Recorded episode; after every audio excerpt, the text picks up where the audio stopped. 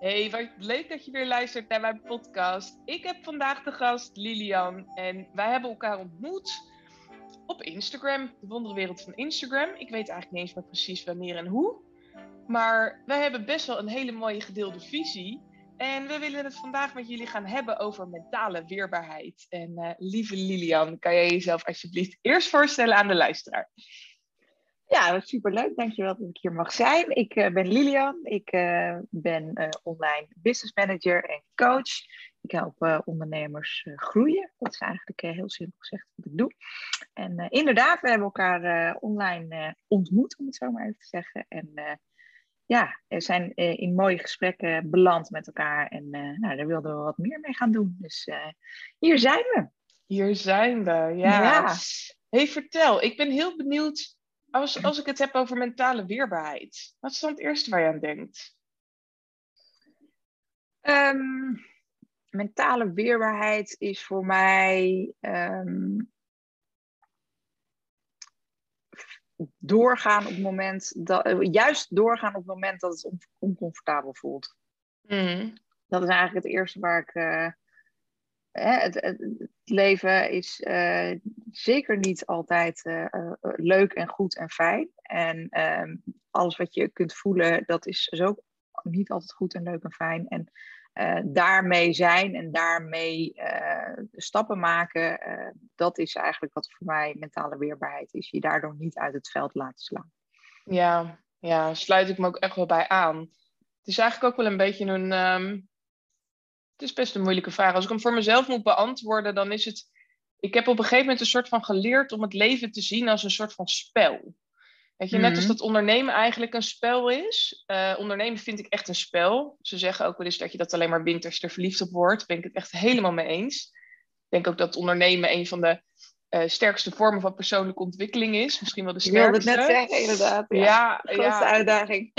Ja, maar ook voordat ik ondernemer was, was mentale weerbaarheid waar ik aan moet denken is, is ook wel echt de keuze op een gegeven moment um, welke gedachten je gelooft. Ja. Daar, daar begon bij mij zeg maar mijn mentale weerbaarheid. Dus in het begin had ik dat eigenlijk helemaal niet door. En ja, ben je niet echt bewust van gedachten. Je hebt gewoon een soort van lawine in je hoofd af en toe. Ja, en op een gegeven moment, uh, ja, en op een gegeven moment begon ik uh, te mediteren. En toen weet ik nog wel dat, dat de eerste minuut dat ik echt dacht, wow, wat is dit? Al niet in mijn hoofd. What's happening? Ja, en dat deed ik toen met Headspace. En die zei toen echt van, Hé, zie, zie dan je gedachten als wolkjes en ga er eens naar kijken. En toen mhm. dacht ik, wow, ik ben gewoon mijn gedachten niet. Herken je dat ook? Ja. ja, jezelf losmaken van je gedachten. En vooral uh, ook het moment dat je ze leert herkennen en erkennen van, oh, wacht even, dat zijn gedachten.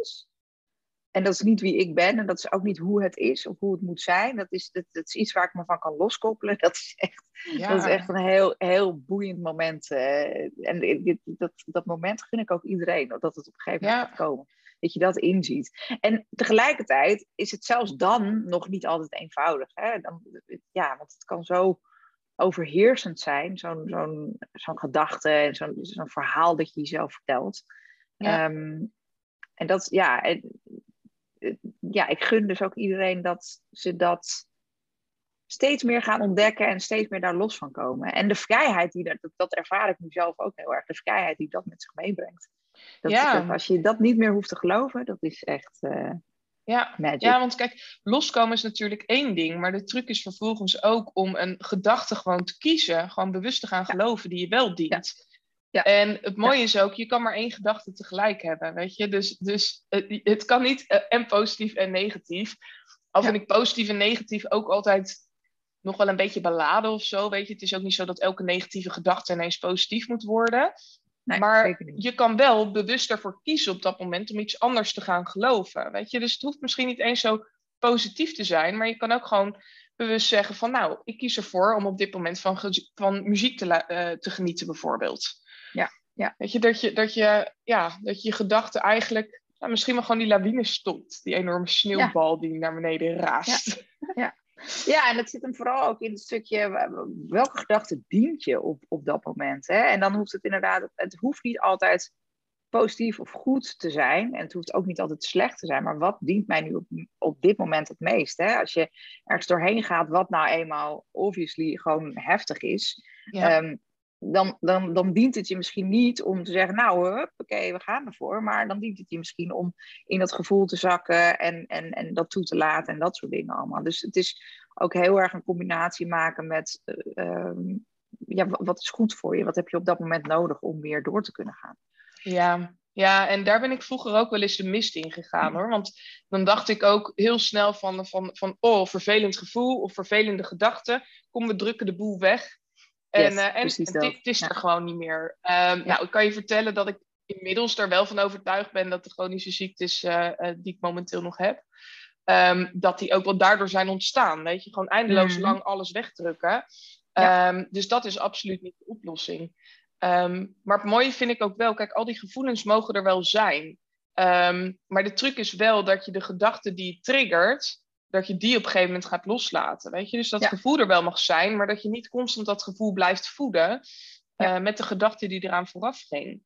Ja. ja. En ik ben eigenlijk ook wel benieuwd, uh, want jij hebt natuurlijk kinderen. Is dit ook iets eigenlijk wat je al met kinderen kan bespreken? Ja, zeker. Ik, eh, mijn dochter wordt negen volgende week. En die, het loopt tegen van alles en nog wat aan op school. En je, je hebt te maken met leeftijdsgenootjes en er wel en niet bij horen. En uh, je wel en niet uh, goed genoeg voelen om met iemand samen te spelen. Dat zijn echt wel dingen die al aan de orde zijn. En uh, zij is iemand die zich ook best wel zorgen kan maken over dingen die nog gaan gebeuren of niet of wel. Maar daar kan ze dan heel erg mee bezig zijn. Dus daar hebben we echt wel gesprekken over. Van joh, weet je wel, um, je, je bent nu al boos over iets wat er... Wat misschien helemaal niet gaat gebeuren, of je bent er bang voor. Of, of, en daar hebben we het wel over. Van goh, je kan je daar ook iets anders voor in de plaats zetten. Um, ja, dat, dat begint dus gewoon al op, echt op jonge leeftijd. Ja. En ik denk dat dat ook heel belangrijk is. Ik denk dat daar bijvoorbeeld op school veel meer aandacht aan besteed mag worden. Zodat die kinderen mentaal echt weerbaarder worden voor alles wat op hun pad gaat komen. Want zij is negen, hè? zij zit in groep ja. zes. Dus dan moet je nog de, de puberteit en de middelbare school, en dan volwassen worden, alle shit die daarna ja. nog komt. Uh, ja, Weet je, dus, dus eh, hoe vroeger je daarmee begint, om daar, uh, om in ieder geval, ik leer haar heel erg om te praten over haar gedachten en haar uh, emoties. Mm-hmm. Ik denk dat het daar heel erg begint, hè? het feit dat het er mag zijn, dat het, dat het niet goed of slecht is. Um, en dan kijken met elkaar van, oké, okay, ja, wat helpt, wat helpt jou in deze situatie? Wat heb je nu nodig om ja, om, om verder te kunnen of om, los te komen van eh, iets wat duidelijk gewoon heel vervelend is. Ja, ja. En kijk, ik, ik, ik zou eigenlijk willen dat iedereen op hele jonge leeftijd ook begint met kinderen om dat uit te leggen. Want uiteindelijk zijn die eerste zeven levensjaren zijn zo bepalend. Weet je, daar worden echt je, je, je, je kernovertuigingen worden gewoon ook in die periode gevormd. Dus als jij op jonge leeftijd al het gevoel hebt van hé, ik ben niet goed genoeg, ja, Dan, dan, dan als mens, als ondernemer, als wie dan ook, uh, sleep je dat gewoon met je mee. Absoluut. En ja, ja het, het, het, duurt natuurlijk best een tijdje voordat die paden eenmaal neurologisch in je hersenen zijn gelegd. En tegelijkertijd duurt het natuurlijk nog veel langer als je die paden vervolgens 20, 30 jaar blijft bewandelen. Ja. Um, dus ja, het is een beetje denk ik net als afvallen. Hè? Dat komt er sneller aan dan dat het eraf gaat. En dat, ja. dat geldt ook voor die neurologische verbindingen. Ze zijn zo gelegd. En um, ja, het is, het is gewoon best uh, uitdagend ook om, om weer van die neurologische paden af te gaan. Ik ben ook wel heel benieuwd uh, wat jouw ervaring daarmee is. Waarmee? Met? Met, nou ja, echt overtuigingen, zeg maar, ombuigen, andere realiteit gaan geloven. Dus echt die neurologische paden eigenlijk weer op een andere mm. plek gaan leggen in je hersenen. Ja, ja, dat, jeetje, dat heb ik op verschillende momenten in mijn leven heb ik dat uh, mogen ervaren. het is eigenlijk een grote rode draad ook wel um, in mijn leven. Uh, het, het ervaren van, um, nou bijvoorbeeld uh, verlies. Hè? Uh, ik heb mijn vader plotseling verloren. Um, dat heeft, mijn hele wereldbeeld heeft dat door elkaar geschud. Weet je, alles wat ik dacht dat, dat waar was, was op dat moment niet meer waar. Mijn hele mm -hmm. wereldovertuiging. Uh, gaan, gaan, kunnen, kunnen, gewoon mensen waarvan je houdt, kunnen gewoon doodgaan. Um, uh, uit het niets. Dat, dat gebeurt dus blijkbaar. Dus dat heeft voor mij echt, dat is een van de, van de belangrijkste momenten in mijn leven, dat die echt voor een shift hebben gezorgd bij mij. Want, want hoe oud ehm, was je toen? 28. Ja. ja. Uh, ook wel echt, uh, achteraf heb ik geleerd dat dat ook een hele belangrijke periode in je ontwikkeling is. Um, een hele, je hebt verschillende periodes in je leven. Dat, nou, je, je puberteit natuurlijk, uh, rond je 28ste. als je rond de 50 bent, dat zijn allemaal zeg maar, een soort van key momenten in je ontwikkeling. En nou, dit vond toen allemaal plaats. En dat, dat heeft, ja, er is een ervoor en een erna, zeg maar, in mijn mm-hmm. leven. Um, dat heeft alles op scherp gezet. In, in hoe ik naar de wereld keek, hoe ik naar mezelf keek en, en naar verlies en liefde en, en al, die, al die dingen. Dus ik heb mezelf opnieuw moeten uitvinden eigenlijk. Mhm. En dat, ja, dat is gepaard gegaan met heel veel um, mentale training. Ja. Echt uh, uitdaging ook. Ja. Dat is wel heel bijzonder, want uh, ik was ook 28 toen mijn vader verloor. Maar ik wist helemaal niet dat 28 een, een hele bepalende leeftijd was. Maar ja. het was bij mij exact hetzelfde. Ehm, ja, ik heb mezelf ook echt opnieuw uitgevonden. Ik moet je wel zeggen dat het, dat het voor mij um, gek genoeg niet zwaar was. Um, maar dat kwam ook gewoon door de hele situatie. Kijk, ik kreeg toen te horen dat mijn vader 0 tot 3 jaar te leven had. Ja. Dat werd 3,5 jaar. Maar de laatste 2,5 jaar van, van zijn leven had hij helemaal geen levenskwaliteit meer, weet je. Dus hij wilde euthanasie, dat kon niet in de staat waar hij woonde in Duitsland. Um, dus hij was gewoon zwaar depressief ook aan het einde. Uh, hij leed echt. Dus ja, op het moment dat iemand dan overlijdt, dan word je eigenlijk ook weer overspoeld met een stuk dankbaarheid, omdat iemand letterlijk uit zijn lijden is verlost. En ja, ja dat, was, dat was heel heftig, omdat hij moest stoppen met eten en drinken om te kunnen overlijden, wat je natuurlijk geen enkel mens gunt. Ehm, maar toen dat eenmaal tussen haakjes gelukt was, was het ook echt een stuk dankbaarheid. Um, en ik denk wel dat dat natuurlijk heel erg helpt als je al 3,5 jaar daar naartoe leeft, naar dat moment. Dan wanneer in jouw geval het natuurlijk ineens heel plotseling gebeurt. Dat, dat is een totaal andere ervaring, denk ik. Ja. Ehm, maar als ik naar mezelf kijk, ben ik ook wel heel benieuwd hoe dat voor jou was. Kijk, toen mijn vader overleed, en nou ja, sterker nog, toen ik te horen kreeg dat hij zou gaan overlijden, toen kwam op een gegeven moment het besef bij mij ook waar het leven echt om draait. Mm. En ik was um, nou ja, vanaf mijn zeventiende en daarvoor trouwens ook, maar vanaf mijn zeventiende was ik dus echt keihard aan het werk. Um, toen fulltime in loondienst, voor mijn zeventiende gewoon knokken ook om de beste cijfers te halen en, en, en alles maar goed te doen en alle ballen in de lucht te houden, uh, noem het maar op. En ja, toen ik te horen kreeg dat mijn vader uh, zou gaan overlijden, toen dacht ik echt op een gegeven moment van, maar, maar waar draait het nou om in het leven, weet je? Ja, leuk, dat ik, leuk, leuk dat ik alles heb. Uh, weet je, ik had op jonge leeftijd veel geflikt, gemanifesteerd, hoe je het ook wil noemen. Um, negentiende dat huis gekocht, uh, prachtig salaris toen ik te horen kreeg dat hij zou gaan overlijden. Um, weet je, mezelf helemaal omhoog gewerkt in de meest waanzinnige functies. En dan besef je gewoon opeens ook dat het daar helemaal niet om draait. Nee. Dat, uh... nee. Ja, dat is heel herkenbaar. Ik, dat, dat is ook wat ik bedoelde met mijn hele wereldbeeld veranderde ook. Want uh, ik besefte me dus in een, bij mij dat en het overlijden, dat is één ding. Hè? Iemand, een van de belangrijkste personen in mijn leven verliezen. Dat is het hele doodgaan stuk, zeg maar. Maar het andere stuk was het plotselinge. Het kan dus van de een op de andere moment uh, anders worden. Alles. Maar echt letterlijk alles. En dit is natuurlijk het meest extreme voorbeeld. Mensen gaan dus gewoon dood. Dat gebeurt dus gewoon. En, um, en inderdaad, dus, nou, je zou misschien verwachten dat, dat, dat je dan denkt, ja, weet je, dat hoor je wel eens als je ernstig ziek wordt, ehm, dat je dan, nou ja, ineens ervaart van nou, en hier draait het leven dan dus om, en dat je dan je bucketlist gaat afwerken en dat soort dingen allemaal. Ik hoopte dat dat misschien bij mij ook zou gebeuren. Dat, dat is niet het geval geweest. Ik heb me wel echt enorm goed beseft.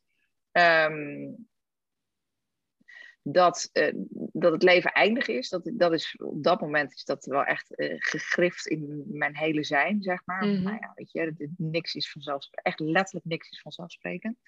Maar ik ben me toen er nog niet zozeer naar gaan gedragen. Ik ben toen heel erg in de oude patronen gevallen eigenlijk. Ja. Van zorgen voor mijn omgeving. En ik ben heel erg teruggegaan naar dat wat ik kende. Omdat alles wat er gebeurde, dat kende ik niet. En dat was heel erg ingewikkeld. Ja. Ehm, ik kon in zijn dood heel erg berusten. Omdat er, nou ja, het was gewoon goed tussen ons. Maar ik viel wel heel erg in oude patronen. En daardoor ging ik heel hard werken en heel hard zorgen en heel hard met anderen bezig zijn en dat soort dingen. Pas veel en veel later, ik moest daar twee kinderen voor krijgen onder andere, um, ging ik, uh, vielen de kwartjes wat het eigenlijk voor mij betekent. En wat ik dus, uh, wat, wat er voor, voor kansen liggen voor mij als ik echt in het gevoel zak van, oh ja, wacht even, je hebt maar één leven. En um, je moet zelf de slingers ophangen en dat soort uh, tegeltjeswijsheid. Zeg maar. Ja, nou ja, ik moet je ook wel zeggen, ik herken dat ook hoor. Want um, bij mij, er werd een zaadje geplant. Maar mijn mm, gedrag ja. veranderde ook niet à la minuut. Maar er werd wel nee. echt een zaadje geplant. Dus gaandeweg ging ik eigenlijk alles een beetje langs die meetlat houden. Dat ja. ik echt dacht van, hé, maar waar gaat het leven nou om? En dat ik echt dacht van, oké, okay, maar ik zit hier, hè, fantastische baan, daar uh, nou ja, nee, niet een fantastische baan. Ik, ik werkte destijds bij Egon, een heel, heel politiek bedrijf. Nou, um, fantastisch. nee, nee, maar goed, in die zin, kijk, Egon zorgt wel heel goed voor zijn medewerkers. Ik, ik, Egon had, zoals ze dat dan noemen, een blauw hart. Ik vond soms dat het net de sociale werkplaats was daar, als ik heel eerlijk ben. Maar in die zin zorgde Egon wel heel goed voor me. Alleen het was gewoon niet waar mijn hart van in de fik ging. Weet je, ik kon nee. gewoon niet tegen die kantoorpolitiek. En, en echt, ach, die politieke heisa. Pff, als er een Egon-medewerker luistert, nou, die weet waarschijnlijk waar ik het over heb. Maar um, dat heb je natuurlijk bij elke grote corporate wat dat betreft. Ja, reken maar. En um, ik had op een gegeven moment ook een beetje mijn leven op on hold gezet. Omdat ik gewoon destijds ook niet te veel tegelijkertijd wilde. Hè? Mm. Um, mijn vader woonde in Duitsland. Ik reed nagenoeg elk weekend reed ik, uh, zat ik zes uur in de auto om hem te bezoeken. Um, aan het einde hebben we zelfs, omdat mijn vader zei: Kijk, ik kan geen kwaad. Spontaan een huis gekocht. Dat was dus echt niet de bedoeling.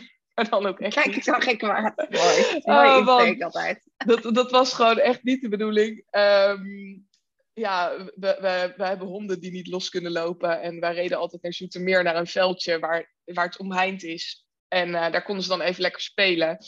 En er stond dus echt op loopafstand een huis te koop. Het huis waar ik nu dus in woon. En um, uh, ik had dat gezegd tegen mijn vader. Van uh, ja, er staat daar een huis te koop. En hij zei, joh, kijk, ik kan geen kwaad. En ik loop naar binnen. En ik denk, fuck, dit, dit, Oh, dit het is is huis. Oké. En het was eigenlijk nog erger. Um, over mentale weerbaarheid gesproken. Ik loop naar binnen en ik denk, fuck, dit is hem. Maar goed, ik had, ik had gewoon mijn eigen appartementje, mijn koopappartementje. Die, die stond helemaal niet te koop. Het was helemaal niet de Nee. bedoeling dat ik een huis zou gaan kopen. Helemaal niet in de periode dat mijn vader eh, steeds slechter ging. En ehm, ik loop naar binnen en ik denk, fuck, dit is hem. Maar dan moet je nagaan, toen ik op mijn negentiende een huis kocht, het was midden in de kredietcrisis, toen had ik zeker 100 appartementen gezien voordat ik dat huis kocht. Ik Ja. eh, werkte in het begin nog in de makelaardij, dus ik kon heel makkelijk al die appartementjes bekijken. En ik vond het allemaal niet goed genoeg. En of ik moest heel veel gaan verbouwen, of het was allemaal niet goed genoeg. Nou, uiteindelijk eh, de keuze gemaakt om een eh, opknapper te kopen, dat helemaal verbouwd, naar mijn zin. En daar woonde ik dus heel prettig. En ik loop echt dit huis binnen en ik denk, het is gewoon perfect. En ik dacht dus, fuck, ik moet dit kopen. Nou, manlief, die eh, eh, ehm, nog bij zijn ouders woonde toen hij mij ontmoette. eh, bij mij toen destijds was ingetrokken in mijn appartementje. Had nog nooit van zijn leven mijn huis bezichtigd. Dus ik zei, ik weet niet wat jij ervan vindt, maar we gaan dit kopen. Hij zei echt, eh, ik weet niet wat jij op hebt, maar ik ga echt niet het eerste de beste huis van de kinderen kopen. en ik zo, eh, we gaan, nou ja, ik weet niet wat jij doet, maar ik ga het kopen. Ja.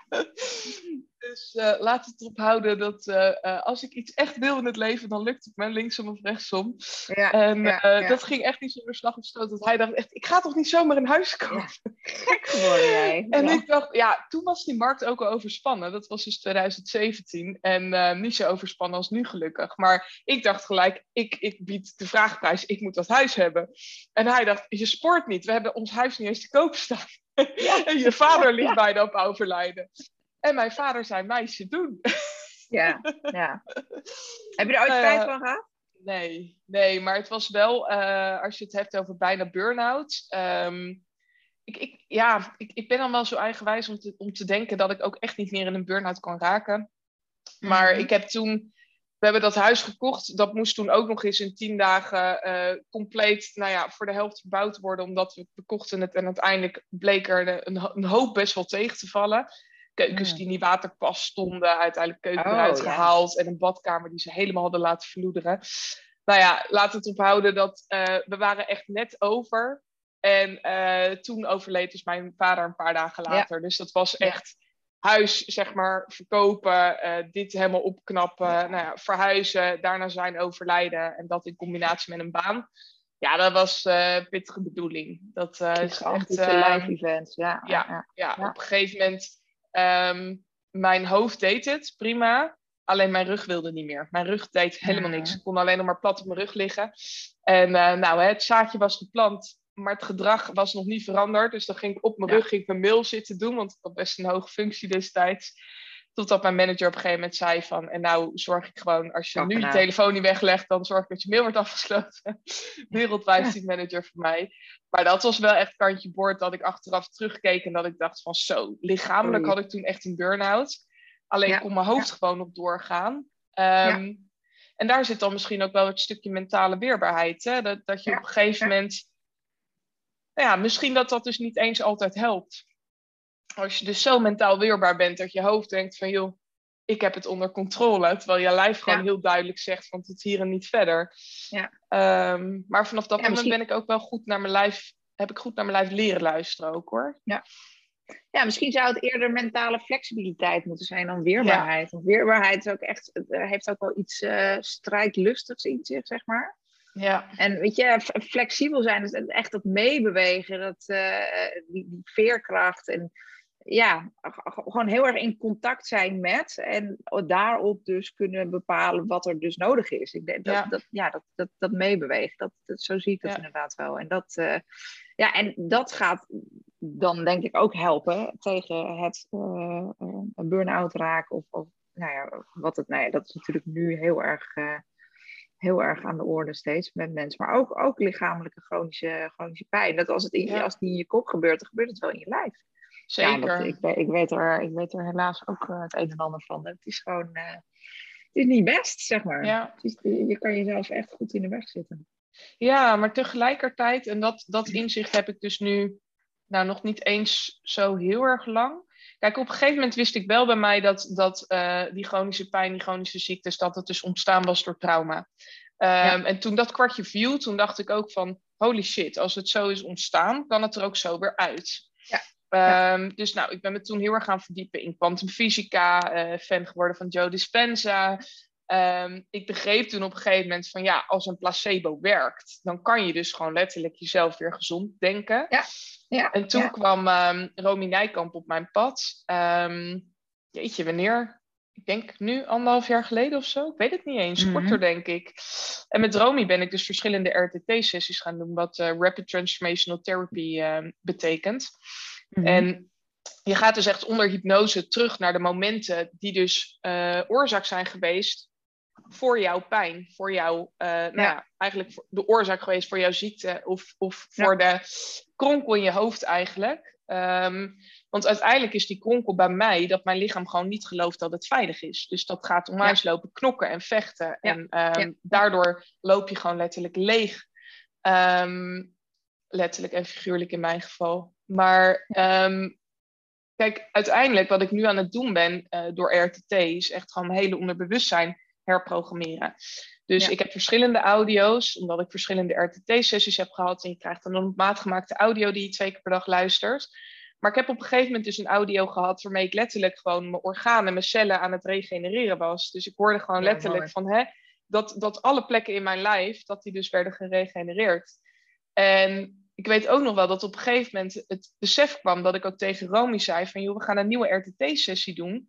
Want ik trek die audio niet meer. Ik trek niet eens meer het idee dat ik ziek ben, weet je? Ik zeg het altijd van, hè, ik ben niet ziek, ik heb een ziekte. En eigenlijk wil je je er nog meer van losmaken. Want hoe meer je daarmee mhm. identificeert, hoe lastiger het is.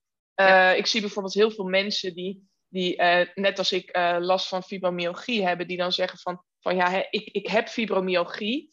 Ik zeg het zelf ook nog, niet, niet, dat ik het, niet dat ik fibromyalgie heb, maar wel dat ik ziektes heb. En eigenlijk moet je dat, moet je dat nog meer los gaan laten. Ehm, wat best ook uitdagend is, hè? want dat zijn ook gewoon de patronen in je hoofd. En ehm, dat is ook best moeilijk om dat op een gegeven moment helemaal los te laten. Ja, ja. Maar het mooie inzicht wat ik daar ook van vond, ehm, wat ik ook steeds meer probeer te doen. Ik ben uh, vorig jaar opgeleid tot emotiecoach, omdat ik emoties ook waanzinnig interessant vind. Mm. En uh, Vera Helleman geeft die opleiding, fantastisch mensen. En die zegt ook van, hè, het is niet ik ben boos.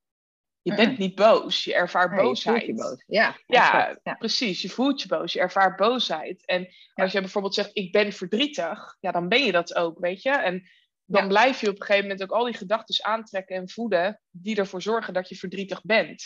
Ja. Terwijl als je zegt van hé, ik ervaar verdriet, dan, dan kan je alweer zo erg loskomen. Ja. Ehm, en als ik nu ook kijk naar alles wat er in de wereld gebeurt, dan ja, um, we hadden het er net natuurlijk ook al even kort over. Jij zei namelijk iets wat ik ook mateloos interessant vind. Kijk, wij hebben volgens mij allebei ook de overtuiging van hè, het heeft tijd nodig. Mm, mm, um, ik heb zelfs de overtuiging uh, als spiriwiri monster um, dat er gewoon echt een nieuwe wereld komt. Um, Tegelijkertijd ook dat niet iedereen geschikt zal zijn voor die nieuwe wereld. Hoe, hoe, hoe lastig ik dat nog vind te behappen op dit moment in mijn hoofd. Maar, mm -hmm. maar uiteindelijk hebben we een hele lange adem nodig. En denk ik dat we dit soort uh, crisis ook weer nodig hebben. Ja, om, om, om, om letterlijk collectief ook weer los te laten wat ons ziek heeft gemaakt, ook als maatschappij, als mens. Ja. ja. En um, ja, dat zijn altijd wel. Dat is altijd wel hele boeiende materie. Ik heb gelukkig inmiddels heel wat mensen om me heen met wie ik het daar ook over kan hebben. Want dat is natuurlijk best een. Um, ja, het is best een zwaar onderwerp.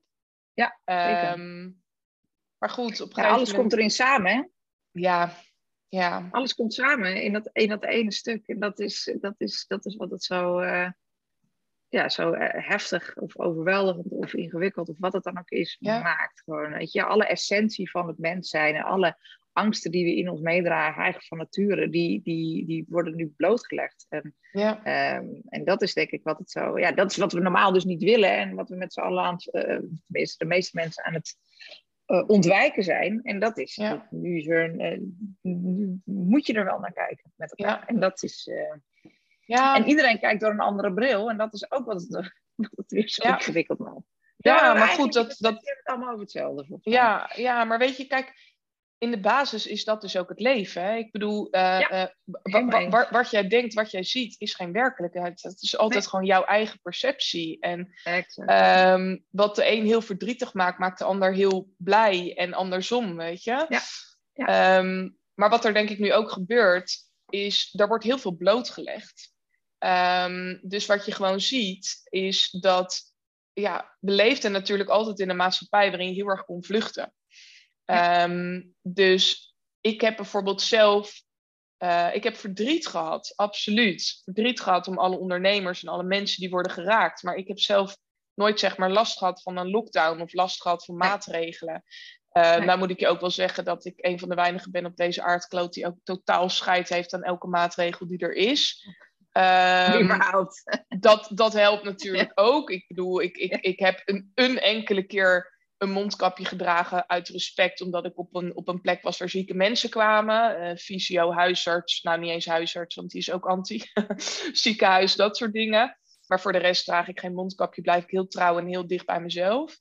Ja. Um, dat helpt natuurlijk. Maar wat je natuurlijk wel ziet in deze tijd, is dat dat zo'n lockdown zoveel blootlegt voor mensen. Weet je, dat ze niet meer kunnen verdoven in het weekend. Of dat ze niet meer kunnen verdoven door naar feestjes te gaan. Um, uh, relaties die onder druk komen te staan. Het is wat dat betreft. Um, het is heel pittig, maar misschien ook wel goed. Ja. Weet je, soms, soms moet je even rock bottom gaan. Ook om, te, ja, ook om echt te snappen. Is dit nou hoe ik mijn leven wil leiden? En, um, ja. ja, alles afleggen om weer, eh, om weer op een nieuwe manier. Ehm, ja, dat, dat denk ik ook. Dat is, als, als, het, als, je iets, als het iets kan brengen, dan is het in ieder geval dat. Als je ervoor open staat, in ieder geval. Ja. Iedereen doet dat op zijn eigen manier natuurlijk. Maar als je het kunt zien als een manier om ja, echt met een vergrootglas naar je leven te kijken en naar hoe jij de dingen doet. Weet je, er zijn ook mensen die gewoon gezonder zijn gaan leven hierdoor, omdat ze ineens beseft van, oh, wacht even, maar dat is heel belangrijk. Of dat wil ik eigenlijk al heel lang, maar ik had altijd een excuus om het niet te doen. Of wat het ook is. Um, Dus ja, het, het, is, het is echt het, het leven onder een vergrootglas. En ik denk dat, dat het niet zozeer is dat, dat het patronen zijn die ineens in de wereld zijn gekomen. Die patronen die waren er denk ik altijd al. Alleen het is nu uh, in het licht gezet. En, uh, en ik denk ook wel gewoon goed. Want ja, het is, het, het, het is, het is niet altijd uh, even best gesteld met de wereld, zeg maar. Dus ja. Ja, ja. Nou ja, kijk, we leven in een wereld en dat, dat, um, dat vind ik moeilijk. Maar het is wel zo. Kijk, we leven gewoon in een wereld waarin de hele economie omvalt als we allemaal gezond zouden zijn. Ja. Um, dus is ook niks nieuws. Nee, nee, dat is absoluut niks nieuws. Alleen wat je nu gewoon ziet, je ziet gewoon een polariteit ontstaan van mensen die er dus van overtuigd zijn van ja, maar ik, ik leef gezond, weet je, ik heb bijvoorbeeld geen vaccin nodig. Uh, Ik doe alles aan mijn gezondheid en ik wil niet zo'n experimenteel iets in mijn lijf. Ja. Um, en je hebt natuurlijk een groep die zegt van nou weet je, ik wil wel een vaccin, want ik wil mezelf beschermen. En, en die is er misschien niet van overtuigd dat ze dat zelf ook kunnen bereiken. Ja, en dat soort dingen zijn natuurlijk wel lastig. Um, ik heb er zelf dus weinig moeite mee. Uh, maar daar had ik het gisteren ook nog met mijn man over. Wij zijn echt een vrij bijzonder stel. Wij hebben allebei zo ongelooflijk veel scheid aan wat andere mensen van ons vinden. Heerlijk. Um, ja, echt. Wij hebben ook allebei een, een bijzonder pad bewandeld. Weet je, ik, ik, ik kon op mijn zeventiende naar de universiteit gaan en ik ging werken.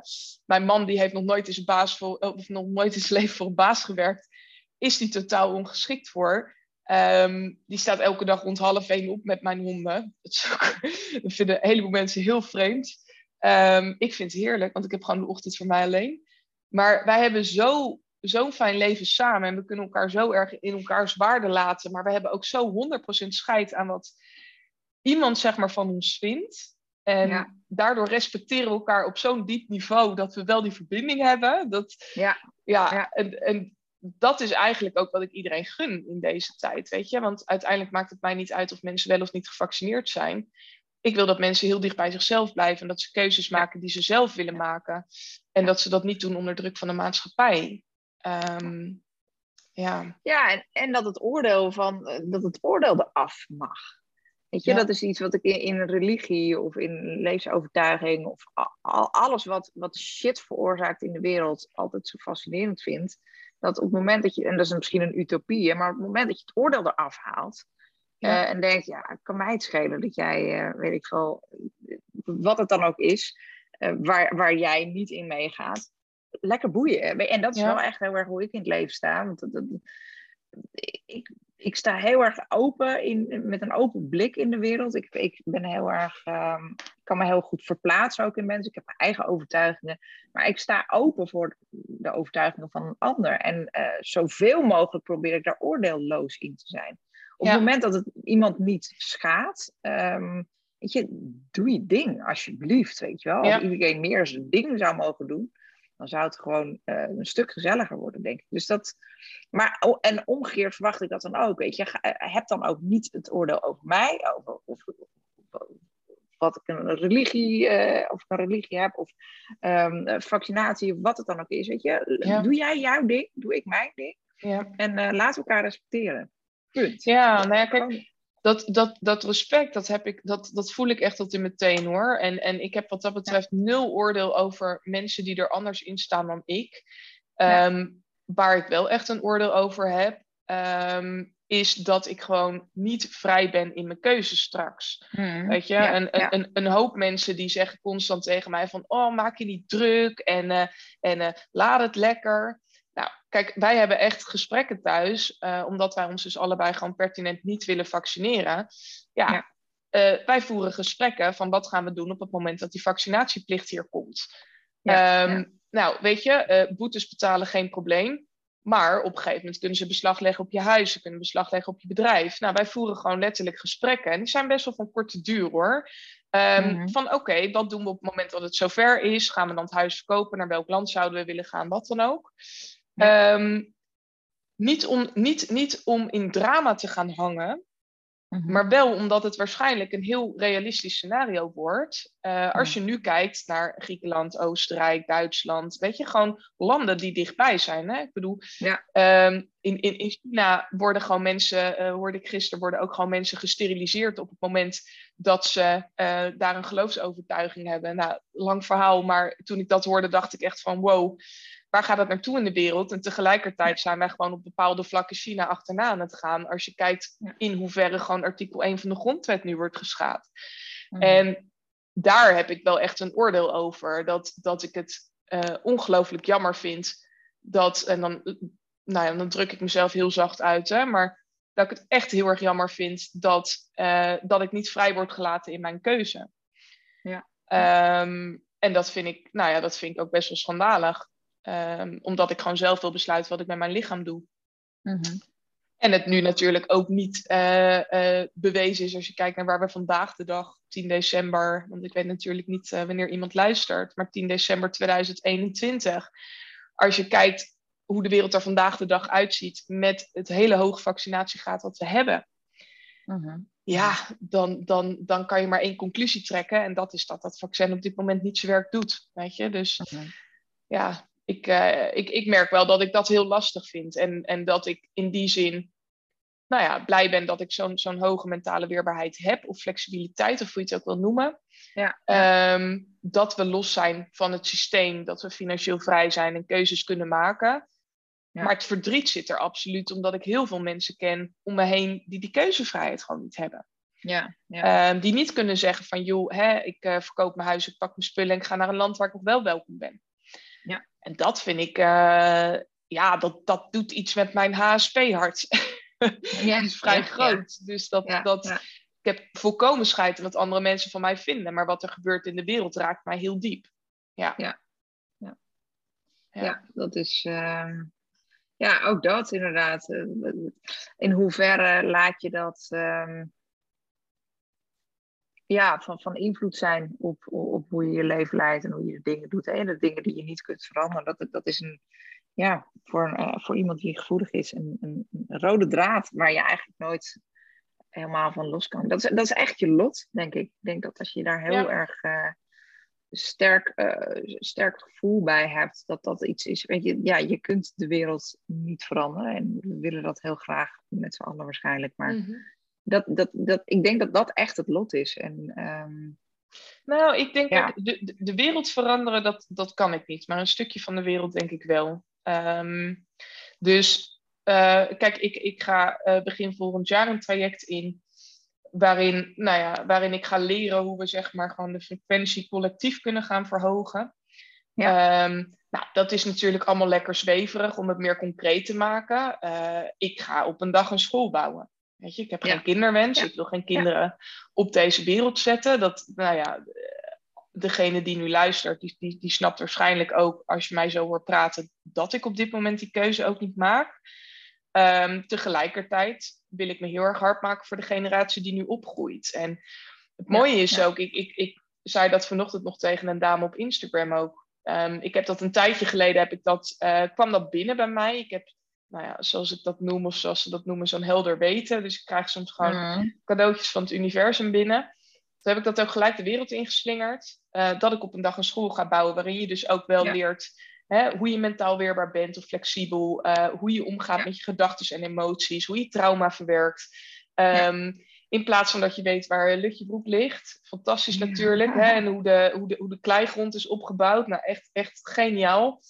Um, Kijk, die school komt er. En het mooie is dat ik al, ik heb gewoon een Trello-bord waarin ik dan dit soort ideeën bijhoud. Dat ik al zoveel mensen heb die uh, bij mij hebben aangeklopt van, yo, maar ik wil lesgeven op die school. Of ik wil mijn kinderen naar die school. Of ik wil dit. Of ik wil helpen. En ja, het mooie is ook wel dat uh, als ik nu kijk naar mijn positie met mijn hele 32 jaar. Ik heb niet voor niets zo'n rijk leven gehad. Met, met de meest uitdagende um, dingen die zijn gebeurd. Uh, dus als je het dan hebt over lot, dan voel ik gelijk van ja, maar ik voel een zielsmissie. Weet je, ik, ik geloof ook echt dat ik een oude ziel ben.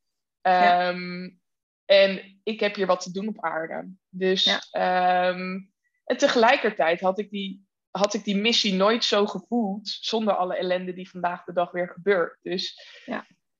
Exact, um, precies, dat is precies wat ik bedoel inderdaad. Hè?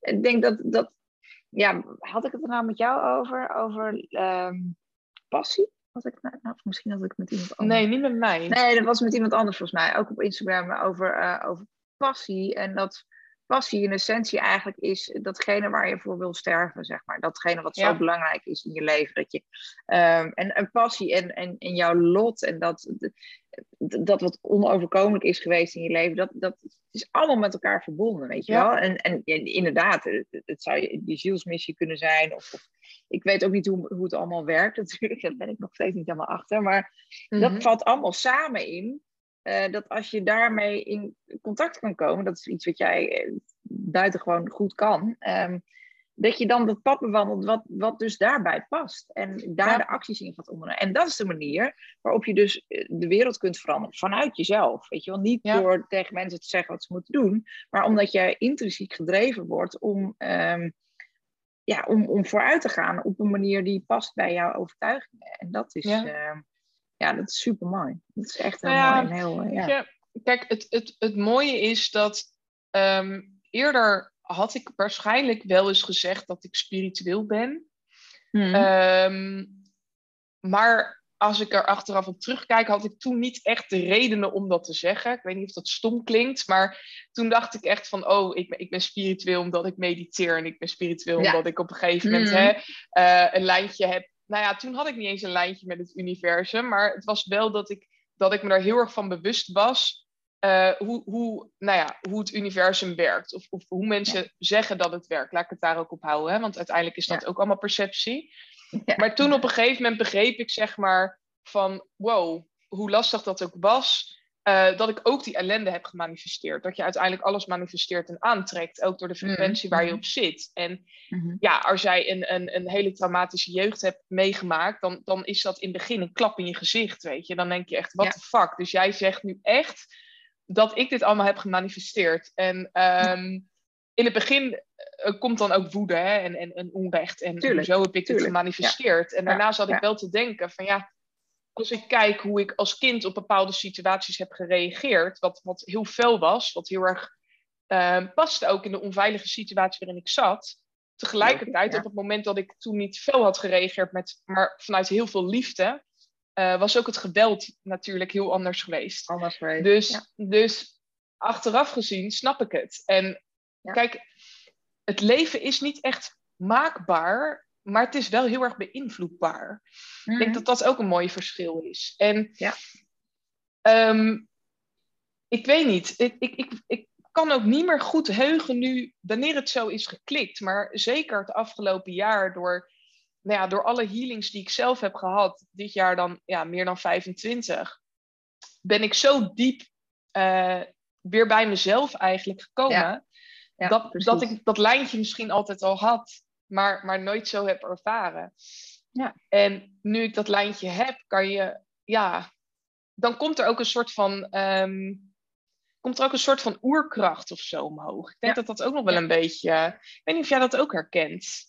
Ja, heel erg. Ja, het is echt het, het ontdekken. Hè? Dus dat, dat wat, wat ik nu dit jaar ook, maar dit jaar is voor mij ook wel echt een cruciaal jaar in mijn ontwikkeling. Uh, op alle vlakken eigenlijk in mijn leven. En Um, ik merk echt dat het heel veel te maken heeft met het ontdekken, dus het, het dekseltje eraf halen van uh, wat bedekt is geweest in jezelf. En op het moment dat je daarmee in contact kan komen met alles wat het met zich meebrengt, want het is ook, het is ook spannend en het lag niet voor niks bedekt natuurlijk. Um, en dan vanuit daar dat kan gaan voeden, ja. Nou ja, dan komt er mm. inderdaad een kracht vrij. Die is echt. Uh, en die kun je ook niet rationeel uitleggen. Je kunt hem ook niet goed verwoorden. Het, het is er gewoon. Ja, dat is, ja maar dat, dat is dus, heel sterk. Ja, maar, maar dat is dus ook wel echt een stukje helder weten, helder voelen, helder zien. Ja. Uh, helder horen. Je kan zelfs helder ruiken, heb ik ontdekt. Niet zelf, maar ik ben een hele podcast aan het binge-watchen ook die daarover over gaat. Oh, um, kijk, op een gegeven moment weet je het. Ja, en en, precies, en ja, dat, is dus, dat is dus dat helder weten. Kijk, ik weet niet alles, maar als ik iets binnenkrijg, dan weet ik het. En dan kan je echt hoog of laag springen. Ja. Ehm, maar dan weet ik het. En tot nu toe heb ik er nooit naast gezeten. En laatst zijn dame tegen mij die misschien wil zitten luisteren van... Uh, ja, je zit er wel echt naast. En nog steeds geloof ik niet dat ik ernaast zit. Alleen ik geloof ook in divine timing. Dus ja, ik, denk, ik, ik, ik, denk dat ze er op een gegeven moment nog achter komt uh, dat ik er niet naast zat. En dat geeft ook niet. En al zat ik er wel naast, geeft het ook niet. Um, maar dat is het. Dat is maar, het, maar ja, weet je, ik heb dus ook ergens echt, nou ja, ik, ik weet gewoon dat het goed komt. Um, tegelijkertijd voel ik ook dat het niet voor iedereen goed komt. En dat vind ik, dat vind ik lastig behappen. Maar aan de andere kant zijn we ook met veel te veel op deze aardkloot. Weet je, als je dat gewoon mhm. rationeel gaat bekijken, dan, dan is het ook niet zo gek dat, dat het nu collectief uit zijn voegen klapt. Ja. Ja. ja. Ehm, maar ik vind het. Ehm, ja, ik zei, ik zei van de week tegen een klant. En um, ja, ik, ik denk dat een heleboel mensen die wel voelen. Uh, laat los wie je denkt te moeten zijn en kom dichter bij wie je altijd al was. Ja. En um, ja. dat is er ook eentje die ik dit jaar tot in mijn tenen heb gevoeld. Van laat nou eens los wie je denkt te moeten zijn. Ah. En, en daardoor heb ik zo vaak het roer omgegooid. En, en eigenlijk los van het feit dat ik ben gaan herpositioneren, ben ik eigenlijk gewoon bij elke, elke herpositionering veel dichter uh, gekomen bij wie ik ben. Precies dat, ja. ja. En, en ben ik nu een business coach, automatiseringsexpert die volgend jaar gaat proberen te leren energy healen. Weet je, ik kreeg te horen van mijn eigen healer dat ik dat op een bepaalde manier wil doen. En toen voelde ik echt aan alles van ja, maar ik moet hier wat mee gaan doen. Want ja. ze zei van ja, maar je bent al aan het healen. En toen dacht ik van ja, dat is leuk dat jij dat zegt. Maar ik, ik wil ook snappen hoe ik dat doe en, en wat de tools en technieken zijn. En ehm, ja, dan ben ik ook het type die al ingaat. Dus ik stort me dan ook gewoon in een avontuur. En um, ik had al besloten dat ik volgend jaar nog maar twee dagen ging coachen. En nu denk ik van, oh, die ene dag die overblijft, dat is gewoon het cadeautje waarmee ik dit weer kan gaan ontwikkelen. Terwijl ik dat van tevoren niet had bedacht. Maar dat zijn de allermooiste dingen. De dingen die je niet van tevoren bedenkt. De dingen die, die niet met ratio ontstaan. Dat is, dat is, als je jezelf dat kan veroorloven om, dat, om zo je leven te, te gaan leiden. Dat is, dat is echt where the magic happens. Ik vind dat echt buitengewoon briljant. En ook echt ja. angstaanjagend. Dat is wel hoe ik het soms ervaar. Ik denk, wat de F am I doing? I don't know. Ik heb geen plan. Ik weet het niet. Ik weet het niet. En dan toch en dat is ook wat ik eerder bedoelde, toch daarmee zijn, met, met, dat, met dat oncomfortabele, omdat je weet van, het gaat je naar een ander level brengen. En, het, en het, het, gaat, het gaat goed zijn, het gaat kloppen. En dat is echt ja. Nou ja, heel, ik, heel, heel cool. Ik, ik durf zelfs te zeggen dat, dat de truc voor mentale weerbaarheid, flexibiliteit, um, dat, dat, dat dat ook heel veel te maken heeft met gewoon vertrouwen op je gevoel. Weet je, ik heb, ik heb echt zoveel. Nou, ik, ik denk dat ik 29 jaar alles met mijn hoofd heb gedaan. Ja. Dat was heel rationeel. Uh, tegelijkertijd ook best spiritueel, maar ik, ik was heel rationeel. En nu, ja, weet je, ik hoef alleen maar te voelen. Ja. En af en toe denk ik echt, weet ik veel of wat ik voel, hè? Oké, wat, wat moet ik hiermee? Ja. En dan denk ik, nee, ik hoef alleen te voelen. En, en ik maak dus ook elk besluit op basis van mijn gevoel. Ik maak dus echt ook de meest heftige besluiten op basis van mijn gevoel. En misschien deed ik het al, want toen ik in 2017 dit huis binnenliep, toen voelde ik gelijk, ja, dit is zo'n punt. Ja, ja. En ja, en, en dat het dan de eerste de beste is, ja. I don't give a shit. Ja, de beste besluiten in mijn leven heb ik ook op die manier gemaakt. En dat is echt, uh, ja, dat, dat, en dat zijn alle. Ik, ik, ik heb al eens teruggedacht van, oh, maar wat, wat maakte dan dat dat zo was? En ik kom altijd weer terug op, ja, omdat het gevoel zo sterk was, ja. um, dat ik er niet omheen kon. Gewoon, ja. ik kon er niet omheen. En achteraf bleek het gewoon, ik, ik, heb niet altijd goede keuzes in mijn leven gemaakt, daar gaat het niet om. En ik denk dat dat ook niet de essentie van het leven is. Uh, zeker, zeer zeker niet. Maar um, wel de, de, zeg maar de, de highlights van de beslissingen, zeg maar, die mij het meest in mijn leven hebben gebracht, ja, die, die zijn puur hardcore uh, gemaakt. Ja, Echt. ja, heel ja. bijzonder. En tegelijkertijd, als jij zegt van hé, ik heb niet altijd goede keuzes gemaakt, dan ben ik weer zo eigenwijs om te denken, ja, je hebt wel altijd goede keuzes gemaakt. Ja. Want je had gewoon die lessen nodig. Uiteindelijk zijn er dus, dat is dus dat is een mooi volgend onderwerp, maar er zijn dus eigenlijk nooit slechte keuzes. Nee. Want alles, alles in je leven brengt je verder. Alles, weet je. Zodra, Zolang jij er weer een dag bij krijgt. Um, het, is, het is maar net hoe je het, uh, hoe je het bekijkt en hoe je ermee omgaat. Ja. En dat is, uh, ja, ja, fascinerend. Ja, en kijk, weet je, daarom zeg ik ook altijd... Um, op, op, een gegeven moment ging ik daarover twijfelen. Omdat mensen zeiden van, ja, niet alles gebeurt met een reden. Uh, want dat zei ik altijd. En toen, um, toen zei ik op een gegeven moment van, ja, dat, dat kan je wel zeggen, maar alles gebeurt wel met een reden. Kijk, het heeft niet altijd een doel, maar het geeft je altijd wat je nodig hebt. Ja. En hoe kut dat ook is, en geloof me echt als ik zeg dat ik de meest kuttige situaties heb mogen meemaken in mijn leven, die ik echt niemand anders zou gunnen. Um, uiteindelijk, uiteindelijk heeft het me gebracht wat ik nodig had. En exact. nou ja, de, de turn your wounds into wisdom, ja, dat, dat is gewoon story of my life geweest. Ja. Ja. Weet je, ik, ik, ik had vandaag de dag niet kunnen doen wat ik doe uh, zonder al die ellende. Ja, dat, daar ben ik echt van overtuigd. Ja. Dit was het. En, ja, en ik denk dat, ja, sorry.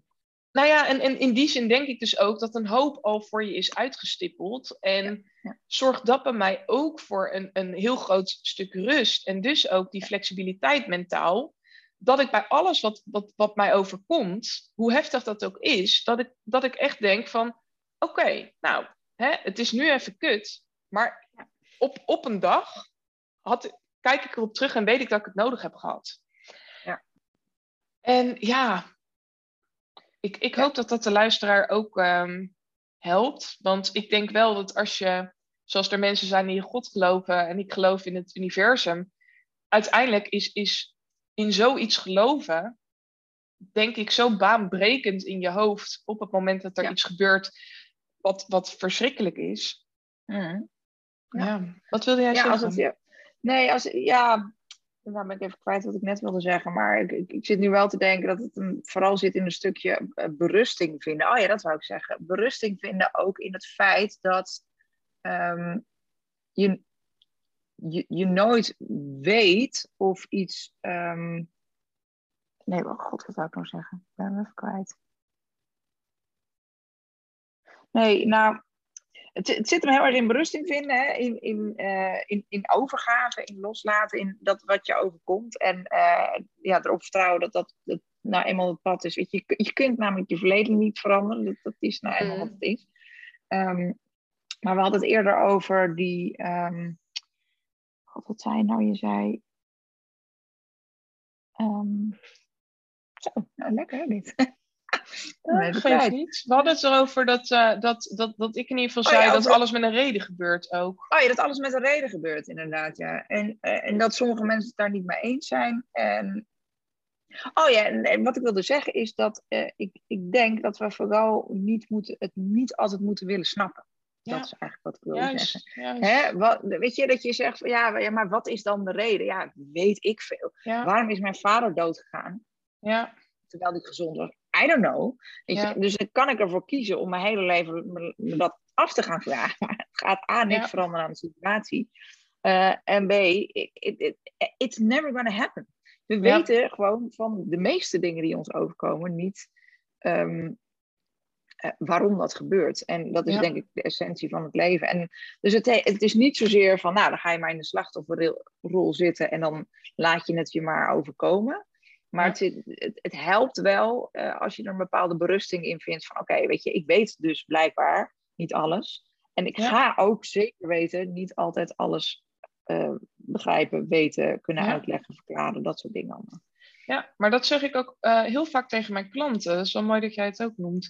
Kijk, ik zeg heel vaak van het enige wat jij moet leren als ondernemer, nou ja, niet het enige, maar wel een heel belangrijk iets, is dat je, je moet oké zijn met dat niet weten. Ja, precies. Uh, je, je, maakt bold moves. Nou, Jezus, als, ik, als ik bold moves heb gemaakt, ik heb dit jaar net zoveel bold moves gemaakt als in de rest van mijn leven zo ongeveer. Ja, ja, um, en je weet, het, je weet gewoon nooit van tevoren of die keuze juist was. Maar als je erop vertrouwt dat het, dat het je altijd wel brengt, hè, misschien niet wat je van tevoren had bedacht, maar wel altijd wat je nodig had, dan is dat uiteindelijk wel wat je, dan is het dus altijd oké. En, en oké zijn met het niet weten vind ik zo ongelooflijk krachtig. Want elke wat als, elke pieker, elke, weet je, elke, elke lawine in je hoofd die je niks brengt, kill je gewoon op het moment dat jij oké bent met het niet weten. Ja. Dus je, inderdaad, wat jij zegt, je hoeft ook niet alles te willen snappen. Je, je hoeft ook niet van alles dan te snappen met welke reden iets gebeurt. Maar op het moment dat je erop vertrouwt dat er altijd een reden is, ja. want anders als het niet gebeurt, ja, nee. Nee, nee het, is, het is een, soort, uh, ja, een, beetje een tweeledigheid. En als je je in het midden daarvan kunt, kunt bevinden en de balans kunt vinden tussen inderdaad actief en passief en uh, berust te accepteren, hè, daar gewoon oké mee kunt zijn. En van daaruit besluitvaardigheid ervaren en je, je stappen zetten, ja, dat, dat is wat je verder gaat brengen. Daar geloof ik echt heel sterk. En dat is ook waarom ik in mijn werk heel erg de nadruk leg op: oké, maar wie ben jij dan in essentie? Ga vooral contact maken met jou. Zorg dat alle ruis weg is en ga weer terug naar wat is voor jou belangrijk? Wie ben je? Waar sta je voor? En uh, dat is het fundament wat je verder gaat brengen op het moment dat je onvermijdelijk, en dat is niet omdat ik een pessimist ben, maar op het moment dat je onvermijdelijk tegenslag gaat ervaren in je leven. Hoe dat er dan ook uitziet. Hè? Tegenslag is gewoon, gewoon iets wat je niet verwacht dat zou gebeuren. En dat ook niet per se in lijn zit met wat je graag zou willen dat er gebeurt. En ja, ja dus die weerbaarheid daarin uh, trainen, zeker ook in je bedrijf, is echt essentieel. Essentieel, denk ik. Echt. Ja. Ik denk dat nou dat, uh, ja. Ja, maar dat is ook de reden dat ik dus 2022 zonder plan inga. Um, wat dus echt voor het eerst wordt. Um, maar heel eerlijk, ik weet niet eens waar ik volgend jaar woon. Nee. Weet je, ik kan wel plannen gaan lopen maken. Um, maar, maar met welk doel? Weet je? Dus mm, een van mijn mm. klanten zei op een gegeven moment ook van ja, ik heb doelen nodig, anders ben ik niet gemotiveerd. Ergens kan ik dat best snappen. Alleen mijn doel is elke dag meer joy. Mijn doel is, is ja. kijken hoe ik mijn klanten nog beter kan bedienen. Mijn doel is kijken of ik op mijn manier een stukje van die wereld een betere plek kan maken. Die, die doelen zijn zo diep in mij, die hoef ik niet op te schrijven, hoef ik geen plan voor te maken. En weet je, die school komt er. Wanneer weet ik nog niet. Um, maar, dat, maar, maar, maar, dat die komt, weet ik. Dus ik hoef het dan ook niet op dit moment al allemaal te weten. Um, en dat is eigenlijk ook wel een hele mooie. Hè? Ik heb dus zoveel. Uh, ik ben dus zo oké met het niet weten dat ik dus ook weet dat als ik 22, 2022 zonder plan aanvlieg, dat ik alles bereik wat ik wil bereiken of wat ik moet bereiken. Ja, en, vooral het laatste, ja, precies. Alles wat je moet bereiken. Ja, precies, dat, precies. En, en, en misschien lig ik er wel een half jaar af omdat ik uh, ongelooflijk ziek word. Um, en had ik dat op een gegeven moment nodig om weer andere dingen in perspectief te kunnen zetten of weer andere keuzes te maken. Maar ja, en, en op een gegeven moment, uh, een van mijn klanten die, uh, die helpt ondernemers om te plannen. En die zei tegen mij aan de hand van mijn story, die zei van, ja, jij bent een flexibele planner, zo noem je dat.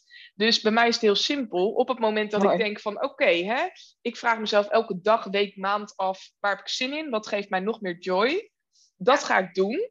En als dat is het bouwen van een school, dan ga ik op dat moment, rak, tak, tak, tak, heb ik gewoon binnen een halve dag een plan hoor. Ik bedoel, het, het, is niet dat ik dat allemaal zonder plan ga doen. En dat ik denk van, yo, universum, doe maar even die school. Weet je, zo werkt het niet. Nee, nee. Um, maar dat flexibel plannen, ik denk dat ik dat iedereen aanraad in deze tijd waarin we flexibel moeten zijn. Als mm, jij namelijk niet mm. flexibel bent, nu, en je krijgt corona of je kids zitten thuis, of er gebeurt iets met een naaste van je, of nou ja, hè, je weet niet waar je wil wonen in deze tijd. Echt niet grappig hoor. Nee, dus dan kan, je maar beter, van. Ja. dan kan je maar beter flexibel gaan plannen en een intrinsieke motivatie hebben tot in je tenen, waardoor jij weet dat je die doelen toch wel gaat halen. Ja. En dan dat je dat allemaal kapot gaat zitten denken en gaat bedenken dat je 15% van je omzet in januari wilt draaien, 25% van je omzet in, in, in Q2, weet je, en dat je dat helemaal zo mooi gaat bedenken. Ja. Ja. Helemaal prima, maar ik, ik weet uiteindelijk waarvoor ik het doe. En uh, ik heb dus ook geen omzetdoel. Nee. nee. Maar dat is ook ehm. omdat jij in, gewoon in essentie verbonden bent met wie jij bent, weet je wel? En dat, en dat is dus je plan geworden. Ja, het is er gewoon, je weet het, weet je. En sommige mensen, die, er zijn denk ik verschillende stadia en sommige mensen die zijn daar waarschijnlijk nog niet. Dus die, die hebben dat nodig als een soort houvast, als een soort, weet je, om grip te hebben. En dat, is ook helemaal oké. Maar ik denk dat je daarin kunt groeien. Ja. ja, jij bent dat stadium alweer ontgroeid. Zeker. Kijk, en, en, en ehm, begrijp me niet verkeerd. Ik heb 22 uh, december een spontane live dag met mijn klanten. Dan gaan we het ook hebben over reflecteren over 2021 en doelen stellen voor 2022. Kijk, ja. je moet op een gegeven moment, als jij, als jij niets met vertrouwen onderneemt, kan mijn manier ook nooit voor je werken. Nee, Snap je? Als jij nog vanuit tekort en angst onderneemt, en als jij denkt, hoe moet ik aan mijn klanten komen? Ehm, dan gaat mijn manier nooit voor je werken. Nee. Ik weet dat die klanten naar mij toe komen op precies het juiste moment. Ja. Dat heb ik heel dit jaar bewezen.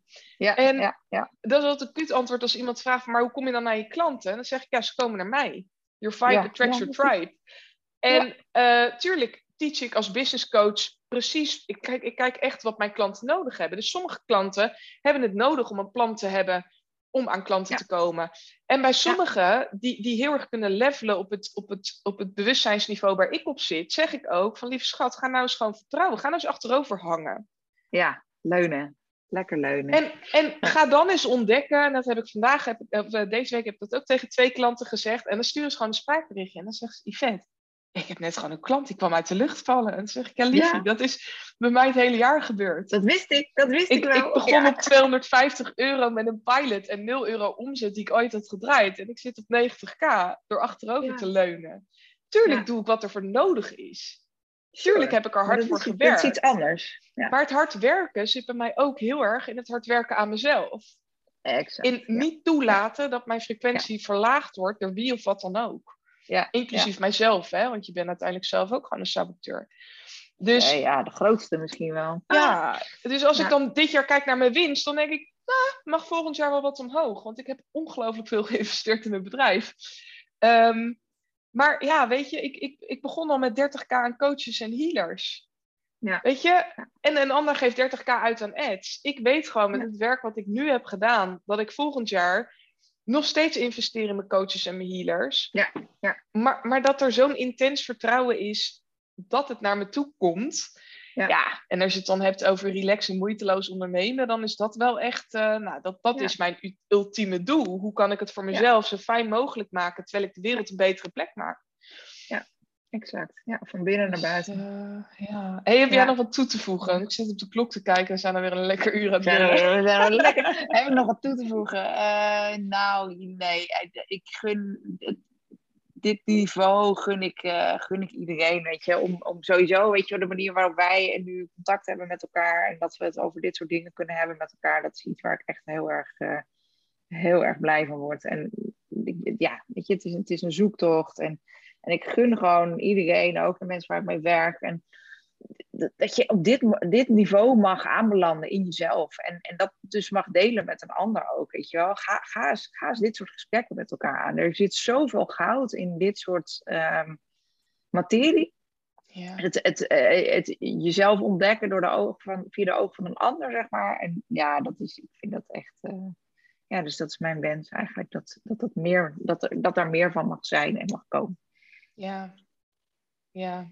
En ik denk als uh, er heel wat meer mensen zijn, dat deze wereld uiteindelijk gewoon in zijn geheel een betere plek wordt. Ja, ja dat, is, dat, is mijn, uh, dat is mijn droom. Dat is echt mijn droom voor de wereld. Ja, echt. ja lieve mij ook.